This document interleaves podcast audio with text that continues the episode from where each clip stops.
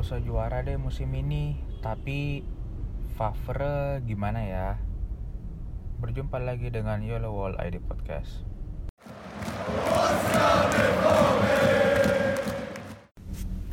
Jadi weekend kemarin Borussia Dortmund tandang di kandang Freiburg dan melengkapi hasil draw tiga kali berturut-turut Borussia Dortmund dengan skor yang sama 2-2. Jadi uh, pada pertandingan kemarin Borussia Dortmund sempat unggul lebih dulu melalui ten, uh, tendangan volley yang keren sih dari Axel Witsel melalui corner yang diasis oleh Torgan Hazard menit 20 Kemudian pada babak awal babak kedua sempat disamakan oleh Luka Waldschmidt. Kemudian Borussia Dortmund unggul lagi pada menit ke-68 melalui Ashraf Hakimi yang sempat deflect oleh back uh, Freiburg. Kemudian sayangnya pada menit-menit terakhir Borussia Dortmund sama seperti melawan uh, Frankfurt kemarin uh, harus merelakan kemenangannya karena Akanji melakukan gol bunuh diri. Kalau dari uh, starting line up sebenarnya tidak ada perubahan yang cukup signifikan kecuali uh, di rotasinya Jadon Sancho. Jadi startingnya Burki, kemudian belakang ada Lucas Piszczek, ada Mats Hummels, kemudian ada Kanji dan Rafael Guerrero. Kemudian untuk tengah ada Delaney dan Axel Witsel. Kemudian di depan ada Hakimi, kemudian ada Marco Reus, kemudian ada Torgan Hazard dan Mario Götze. Pertandingan kemarin yang belum bisa tampil itu tetap aja ada Paco Alcacer dan Nico Schulz. Uh, review singkatnya B4B kemarin bermain sangat buruk, sangat apa ya? Uh, bukan tim yang bisa diharapkan untuk menjadi juara musim ini sih sebenarnya. Kalau melihat permainan seperti kemarin Borussia Dortmund terlalu dominan di possession tapi tidak ada hasilnya. Ini bisa dilihat dari possessionnya yang Borussia Dortmund 66% sedangkan Freiburg 34% kemudian uh, Akanji juga bermain off form tadi malam. Ya di luar dari gol bunuh dirinya uh, secara keseluruhan dia juga tidak bermain cukup baik sih kemarin. Kemudian uh, acara Fakimi juga setelah bermain cukup baik saat melawan Slavia Praha ini dia sih kelihatan cukup apa ya bisa dibilang uh, faktor kelelahan. Ya jadi meskipun mencetak satu gol tapi ya bisa dibilang dia agak kurang efektif. Ya selain Hakimi sih sebenarnya skuad seluruh skuad Borussia Dortmund seperti apa ya? Seperti tidak bersemangat seperti agak ogah-ogahan tidak memiliki semangat untuk bermain. Ya mungkin karena pasca um, midweek melawan Slavia Praha dan perjalanan dari Praha ke Dort ke ke Freiburg juga mungkin cukup jauh dan cukup menguras tenaga pemain-pemain uh, -pemain Borussia Dortmund kemudian uh, untuk beberapa pemain yang bisa saya kasih catatan yang pertama uh, Julian Brand yang masuk menggantikan Lukas Piszczek yang cedera pada awal babak pertama. Buat Favre Julian Brand itu dia bukan winger uh, meskipun di Leverkusen dia pernah bermain sebagai winger bermain melebar tapi uh, dia tidak apa ya dia dia tidak maksimal kalau ditaruh di pinggir. Bahkan dia sudah pernah bilang kalau dia itu lebih prefer main di tengah. Bahkan musim lalu saat dipegang Peter Bos dia itu bermain bagus-bagusnya saat dimainkan di tengah bersama kayak Havertz. Ya bisa jadi sih kalau semakin lama dibeginikan uh, Brand bakalan rusak sih karirnya. Kemudian uh, Marco Reus juga beberapa pertandingan terakhir dia tidak bermain cukup maksimal um, mungkin apa Marco Reus juga perlu dirotasi ya karena ya pasca pertandingan melawan Barcelona yang penaltinya gagal ya jelas otomatis permainan Marco Reus itu agak menurun cukup drastis sih sebenarnya dibandingkan musim lalu yang sangat vital bagi Borussia Dortmund. Yang bagus sih kayaknya cuma uh, Witsel. Kalau dari statistik juga selain mencetak gol, Witsel juga passingnya itu 92% akurat, kemudian aerial one-nya itu uh, dia menang dua kali, kemudian dari 66% possessionnya Borussia Dortmund dia menguasai 9% uh, 9 persennya dari 66% itu. Jadi memang bisa dibilang peran Axel Witsel ini cukup vital di pertandingan kemarin bagi Borussia Dortmund nah selain Witsel tidak ada yang menarik sih bagi pemain-pemain Borussia Dortmund. Ya cuma sosok sih. Yang sosok paling cuma Mats Hummels kemudian uh, Achraf Hakimi dan Torgan Hazard. Itu sosok jadi yang selebihnya itu bisa dibilang buruk sih. Ya untuk uh, eh, post match reactionnya tidak banyak sih yang berita yang keluar untuk dari Favre tapi seperti biasa Favre kata-kata andalannya ketika gagal menang melawan tim yang bisa dikalahkan dia bilang ya pertandingannya ini sangat sulit sesuai, sesuai apa yang di uh, rencanakan diperkirakan. Ya ini cukup aneh sih karena bisa dibilang artinya Favre berharap pertandingan kemarin itu uh, bakalan sulit atau ya bakalan berat buat Borussia Dortmund. Padahal sebenarnya melawan Freiburg harusnya sih Borussia Dortmund bisa menang. Kemudian dari Mats Hummels katanya sih Borussia Dortmund harus bermain lebih cerdas dan lebih fisikal. Borussia Dortmund terlalu gampang uh, terlepas bolanya. Dan menurut Hummels BVB itu tidak tam bukannya tidak tampil baik tapi uh, eh, BVB tidak bermain seperti yang seharusnya mereka bermain. Sedangkan kalau dari Marco Reus Marco Reus sih bilang kalau uh, semoga international break itu bisa membuat uh, Borussia Dortmund menjadi lebih baik lagi pada pertandingan berikutnya. Kemudian untuk Matsu uh, Thomas ini, Thomas ini cukup strike sih dia bilang mungkin Borussia Dortmund bermain terlalu possession atau terlalu menguasai bola sehingga mereka lupa untuk mencetak gol ke gawang lawan.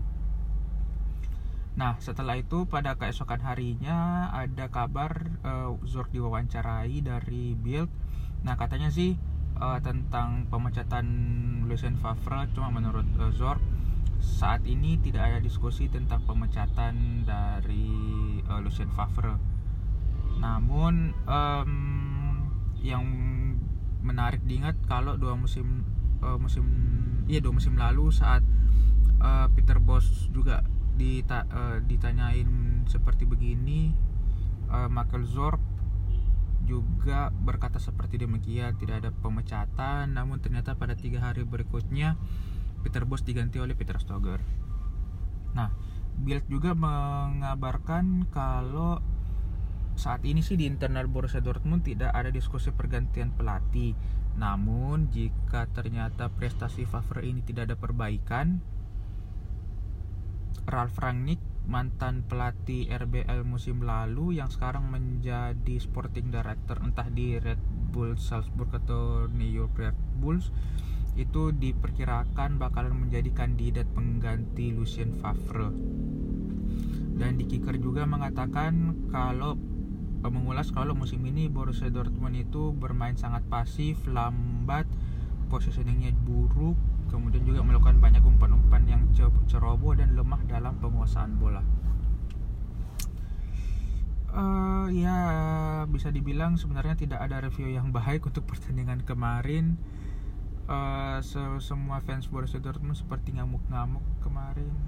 Ya itu aja sih yang bisa saya simpulkan untuk uh, pertandingan kemarin dan kita lanjut ke segmen berikutnya.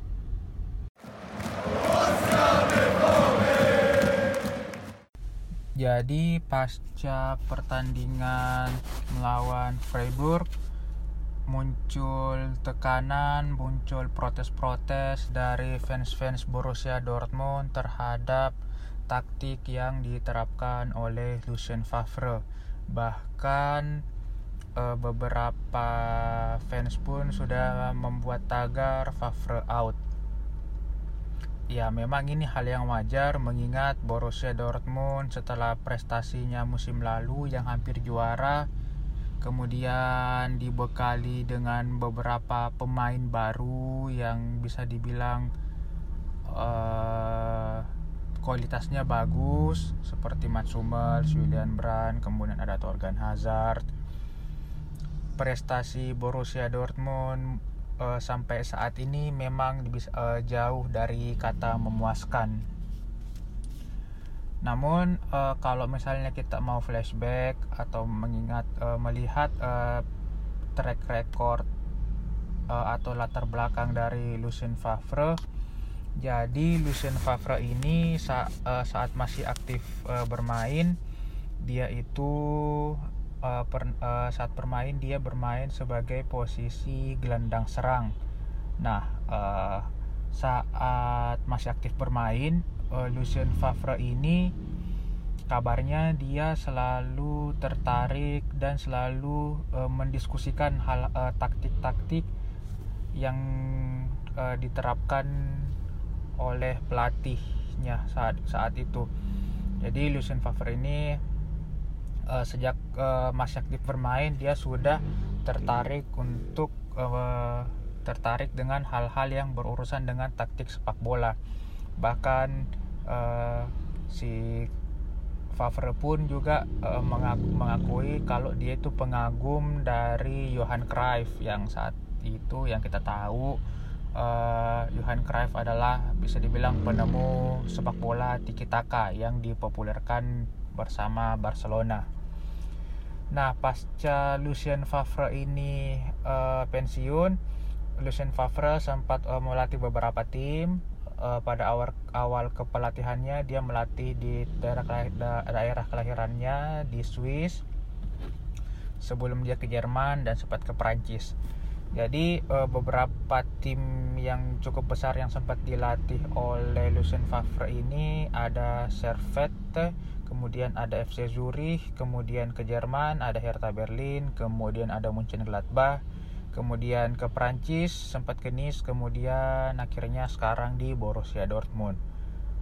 Nah eh, prestasi Favre itu sudah mul baru mulai muncul pada saat dia melatih FC Zurich tahun 2002 eh 2003 sampai 2007 saat itu Lucien Favre berhasil membawa FC Zurich eh, menjadi juara Swiss Cup tahun 2005 Kemudian tahun berikutnya, musim berikutnya bisa membawa FC Zurich menjadi juara liga dua kali berturut-turut yaitu tahun 2005 musim 2005-2006 dan 2006-2007. Bahkan uh, si Lucien Favre ini menyabet gelar Swiss Manager of the Year dua kali berturut-turut pada tahun 2006-2007 pasca dari FC Zurich kemudian Favre diikat oleh Hertha Berlin pada musim 2007 tahun 2007 hingga tahun 2009 nah pada musim pertamanya di Hertha Berlin eh, Favre berada di peringkat ke-10 namun pada musim berikutnya 2008-2009 Lucien Favre berhasil membawa Hertha Berlin men, e, mendapatkan peringkat terbaiknya dalam beberapa dekade terakhir yaitu peringkat keempat Uh, namun sayangnya pada musim berikutnya hanya dalam 12 pertandingan Lucien Favre harus uh, cabut dari Hertha Berlin karena uh, dalam 12 pertandingan prestasinya itu bisa dibilang tidak cukup baik. Nah, pada musim 2010-2011 uh, pada akhir musim itu Lucien Favre melatih Mönchengladbach. Uh, saat itu dia mengganti pelatih saat itu yaitu Michael Fronzek nah saat itu Mönchengladbach berada di dasar klasmen dan terancam degradasi.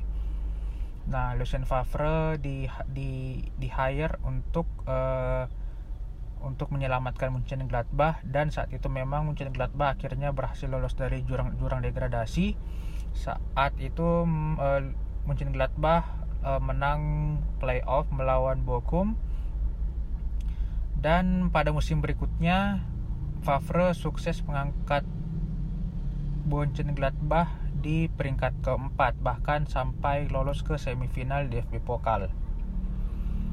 Nah, uh, pada saat itu juga muncul nama-nama pemain yang yang kita kenal uh, seperti uh, Ter Stegen, kemudian ada Marco Reus, kemudian ada Dante. Bahkan saat itu pun juga Marco Reus terpilih sebagai Bundesliga Player of the Season. Nah, pada musim berikutnya Marco Reus pun kembali ke Borussia Dortmund dan pada saat yang bersamaan prestasi Mönchengladbach pun harus turun drastis berada di peringkat ke-8. Kemudian pada musim berikutnya uh, Mönchengladbach sempat naik ke peringkat 6. Di situ uh, Mönchengladbach juga memunculkan uh, Mahmud Dahoud, kemudian ada juga pemain Christoph Bremer yang datang dari Bayer Leverkusen, kemudian ada Rafael dan ada Max Kruse. Nah, musim terbaik si Lucien Favre ber bersama Mönchengladbach itu ada pada musim 2014-2015 yang di mana Mönchengladbach berhasil berada di peringkat ketiga di bawah Bayern Munchen dan Wolfsburg. Nah sayangnya pada musim berikutnya uh, hanya da hanya dalam tujuh pertandingan uh, Lucien Favre menderita enam kekalahan sehingga dia harus mundur dari kursi kepelatihan. Nah, pada musim berikutnya 2016-2017, Lucien Favre e, melatih Nice di Prancis. Nah, saat itu pun juga dia sukses berada e, membawa Nice berada di peringkat ketiga di bawah Monaco dan Paris Saint-Germain. Nah, saat itu e, ada beberapa pemain yang memang sukses diorbitkan oleh e, Favre seperti Alessandro Plea yang sekarang main di uh, Mönchengladbach, kemudian ada Jean Michael Seri yang sempat hampir bergabung dengan Barcelona, kemudian ada Malangsar dan ada Coziello yang uh, sekarang bermain di FC Köln. Namun selain membawa uh, Nice ke peringkat ketiga, salah satu prestasi terbesar dari Lucien Favre adalah berhasil menjinakkan Mario Balotelli. Nah, sayangnya pada musim berikutnya uh, Nice uh, bersama Lucien Favre harus terjun bebas di peringkat 8 apalagi pada saat mu awal musim sebenarnya Borussia Dortmund yang sudah memecat Thomas Tuchel ingin uh, mendatangkan Lucien Favre. Namun sayangnya Lucien Favre masih terikat kontrak saat itu sehingga Borussia Dortmund pun mengalihkan targetnya ke Peter Bosz yang memang uh, sukses membawa Ajax menjadi finalis Europa League saat itu. Nah, kalau dari track record kepelatihannya Lucien Favre memang bisa dibilang sesuai seperti yang pernah dibahas di podcast Piltak pada uh, masih awal-awal dari musim lalu kalau Favre ini memang berhasil membawa timnya memiliki prestasi yang lebih baik namun uh, yang harus diperhatikan bahwa uh, setelah musim uh, setelah musim keberhasilannya Favre, musim berikutnya itu semua timnya yang dari Hertha Berlin sampai uh, Nice itu musim setelah musim keberhasilannya pasti bakalan drop bebas, bakalan drop dari musim sebelumnya bahkan sampai de, di Hertha Berlin dan di Mönchengladbach uh, si Lucien Favre pun harus ya harus cabut dari timnya. Nah, Lucien Favre ini kalau kita lihat tipenya ini dia tuh seperti apa ya? Seperti seorang filosof sepak bola yang memang dia sangat apa ya? Dia sangat uh, tactical enthusiast. Itu bahkan secara selain tactical enthusiast bahkan mungkin mengarah ke kepala batu seperti orang-orang itu seperti Pep Guardiola atau Marcelo Bielsa atau uh, Allegri bahkan Thomas Tuchel pun seperti begitu namun uh, perbedaannya uh, Lucien Favre ini memiliki nilai plus karena dia memiliki approach yang bagus kepada pemain. Contohnya saja yang paling konkret adalah dia berhasil menjenakkan Mario Balotelli. Bahkan saat itu Mario Balotelli bisa sangat subur di Liga Prancis dan juga bagaimana kita lihat kedekatannya Lucien Favre dengan Jadon Sancho. Karena kalau misalnya kalian lihat uh, video-video latihan Borussia Dortmund si Jadon Sancho itu kayak seperti anak bagi Lucien Favre namun sayangnya si Lucien Favre ini dia bukan uh, pelatih seperti Jurgen Klopp yang bisa dibilang kesayangan kesayangan uh, fans Borussia Dortmund. Karena Jurgen Klopp ini bisa dibilang dia tuh pelatih yang sangat memotivasi pemain yang punya passion terhadap permainan. Beda sama uh, beda sama Lucien Favre yang memang lebih slow lebih chill lebih santai untuk menjadi seorang pelatih. Bahkan uh, kalau misalnya uh, kita uh, ada yang nonton uh, film dokumenter Borussia Dortmund, uh, Inside Borussia Dortmund, yang lebih aktif untuk memotivasi pemain itu bukan Lucien Favre, tapi asisten pelatihnya yaitu Edin Terzic yang memotivasi pemain Borussia Dortmund saat uh, pertandingan. Nah, uh, dari sini uh, bisa apa ya mungkin uh, untuk backgroundnya Lucien Favre kenapa dia uh, memiliki taktik seperti ini kemudian uh, bagaimana prestasi Borussia Dortmund ini bisa dibilang seperti kutukannya Lucien Favre karena setelah berhasil sukses pada musim pertamanya Borussia Dortmund uh, khususnya yang musim lalu bisa peringkat kedua namun ke pering, uh, musim berikutnya kita bisa lihat sekarang bisa dibilang terjun bebas. Nah, ini seperti kutukannya Lucien Favre yang uh, timnya dilatih musim pertama bisa sukses kemudian musim berikutnya itu bisa drop. Nah kalau misalnya ditanya uh, pendapat saya tentang Favre ini apakah dia harus dilepas atau tidak Nah, menurut saya sih Lucien Favre ini sebaiknya tidak dilepas oleh Borussia Dortmund karena ada beberapa hal. Jadi menurut saya ada tiga hal kenapa Borussia Dortmund itu tidak harus uh, sebaiknya tidak melepas Lucien Favre. Yang pertama itu karena faktor Marco Reus. Jadi kabarnya sih pada musim 2017-2018 yang saat itu uh, Marco Reus kontraknya sudah hampir habis dan Borussia Dortmund saat itu sedang drop-dropnya karena uh, ditinggal Aubameyang dan Dembele bahkan uh, sampai tidak jelas pelatihnya yang transisi dari Peter Bosz ke Peter Stoger. Uh, Mar Marco Reus mau memperpanjang kontraknya bersama Borussia Dortmund karena kabarnya uh, ini entah permintaan dari Marco Reus sendiri atau memang jaminan dari Zorc dan Waske kalau Lucien Favre yang akan melatih uh, Borussia Dortmund musim depan karena uh, kita tahu kalau uh, saat, saat di Munchen Gladbach Lucien Favre inilah yang uh, sukses berjasa menemukan dan memoles bakat Marco Reus seperti sekarang. Kemudian Oh ya, jadi uh, jika misalnya kalau Favre dipecat di pertengahan musim, mungkin saja bisa uh, berdampak kepada Marco Reus karena Marco Reus ini selain kapten atau uh, pemain sentral dari Borussia Dortmund, Marco Reus ini bisa dibilang adalah soul atau jiwa dari Borussia Dortmund sekarang. Jadi takutnya kalau misalnya memang si Favre dipecat Marco Reus pun kecewa ya ini bakalan berdampak ke keseluruhan tim. Nah eh, alasan kedua kenapa Borussia Dortmund sebaiknya tidak melepas Lucien Favre? Karena eh, ditakutkan efek eh, pemecatan pelatih di tengah musim itu akan mengganggu stabilitas tim. Karena secara taktik ini Lucien Favre adalah pelatih yang sangat detail uh, bahkan seperti pemain pun kalau misalnya mau mengumpan atau ngontrol bola itu sudah ada instruksi khususnya pakai kaki kiri atau kaki kanan.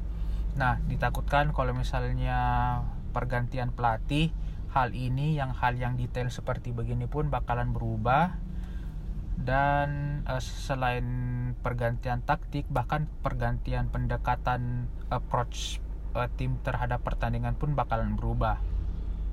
Contohnya seperti peralihan dari Peter Bosz yang memang sangat menyerang bahkan tidak memperdulikan pertahanan pada saat itu dengan memasang highlight di highline defense diganti dengan Peter Stoger yang otomatis uh, memiliki approach uh, defensif yang tinggi yang memang um, lumayan menurunkan efektivitas penyerangan Borussia Dortmund saat itu ya meskipun sih pada akhirnya Borussia Dortmund peringkatnya bisa naik ke peringkat 4 kemudian eh, jika Favre diganti bisa jadi akan mengganggu internal tim karena memang Favre ini sangat dekat dengan tim bahkan bisa merekatkan pemain-pemain lain. Ya kalau contohnya sih Jadon Sancho. Jadi kalau misalnya Favre diganti apalagi yang Favre ini diganti sama pelatih yang karakternya cukup beda sama Lucien Favre ya bisa jadi akan mengganggu internal tim Borussia Dortmund yang selama ini memang bisa dibilang cukup harmonis. Nah, eh, alasan ketiga kenapa Lucien Favre ini sebaiknya tidak dilepas Borussia Dortmund setidaknya sampai akhir musim karena eh, tidak ada apa ya, tidak ada hal yang sangat urgent bagi Borussia Dortmund karena Borussia Dortmund bisa dibilang tidak berada di zona degradasi atau terancam degradasi. Bahkan uh, hanya beberapa terpaut uh, kayaknya tiga poin ya tiga poin empat poin dari peringkat pertama meskipun sekarang berada di peringkat 9 namun memang ya meskipun saat ini kita harus sadar kalau uh, Borussia Dortmund mungkin sebaiknya sih merelakan target mereka untuk menjadi juara musim ini namun uh, target mereka sebaiknya direvisi untuk setidaknya ya bisa sampai empat besar untuk ak akhir musim ini. Nah, jadi menurut saya selama target atau selama prestasi Borussia Dortmund itu masih bisa di peringkat 4 sampai akhir musim ini, ya Favre dipertahankanlah sampai akhir musim setidaknya. Jadi musim baru kalau misalnya Borussia Dortmund bisa masuk empat besar, ya kalau misalnya Borussia Dortmund masih target jadi juara ya Dortmund cari pelatih baru begitu. Namun ya selama belum ada tanda-tanda krisis yang sangat besar bagi Borussia Dortmund tidak terancam degradasi atau uh, atau apa ya posisi empat besar masih bisa diraih ya sebaiknya sih Favre dipertahankan sampai akhir musim. Nah, uh, itu sih uh, pendapat saya tentang uh, Lucien Favre, apakah dia dilepas atau tidak. Ya, jadi ya semoga uh, jadi buat saya sih Lucien Favre sebaiknya dipertahankan setidaknya sampai akhir musim saja demi memper apa ya mempertahankan kestabilan tim dan ya setidaknya sampai uh, setidaknya Borussia Dortmund masih bisa lolos empat besar untuk masuk ke Liga Champions musim depan. Oke, okay, uh, eh, mungkin itu saja untuk episode kali ini. Uh, jadi untuk minggu ini tidak ada pertandingan karena ada international break. Nah, minggu depan Borussia Dortmund akan uh, menjamu Borussia Mönchengladbach tanggal 20 dan kemudian tanggal 24-nya Borussia Dortmund akan tandang ke Italia melawan Inter Milan. Karena setelah itu akan menunggu pertandingan berat berikutnya yaitu derby pada tanggal 26. Dan bulan Oktober akan ditutup pada pertandingan DFB Pokal Borussia Dortmund melawan Mönchengladbach pada tanggal 31. Oke, mungkin uh, itu saja episode kali ini. Uh, sampai jumpa di episode berikutnya.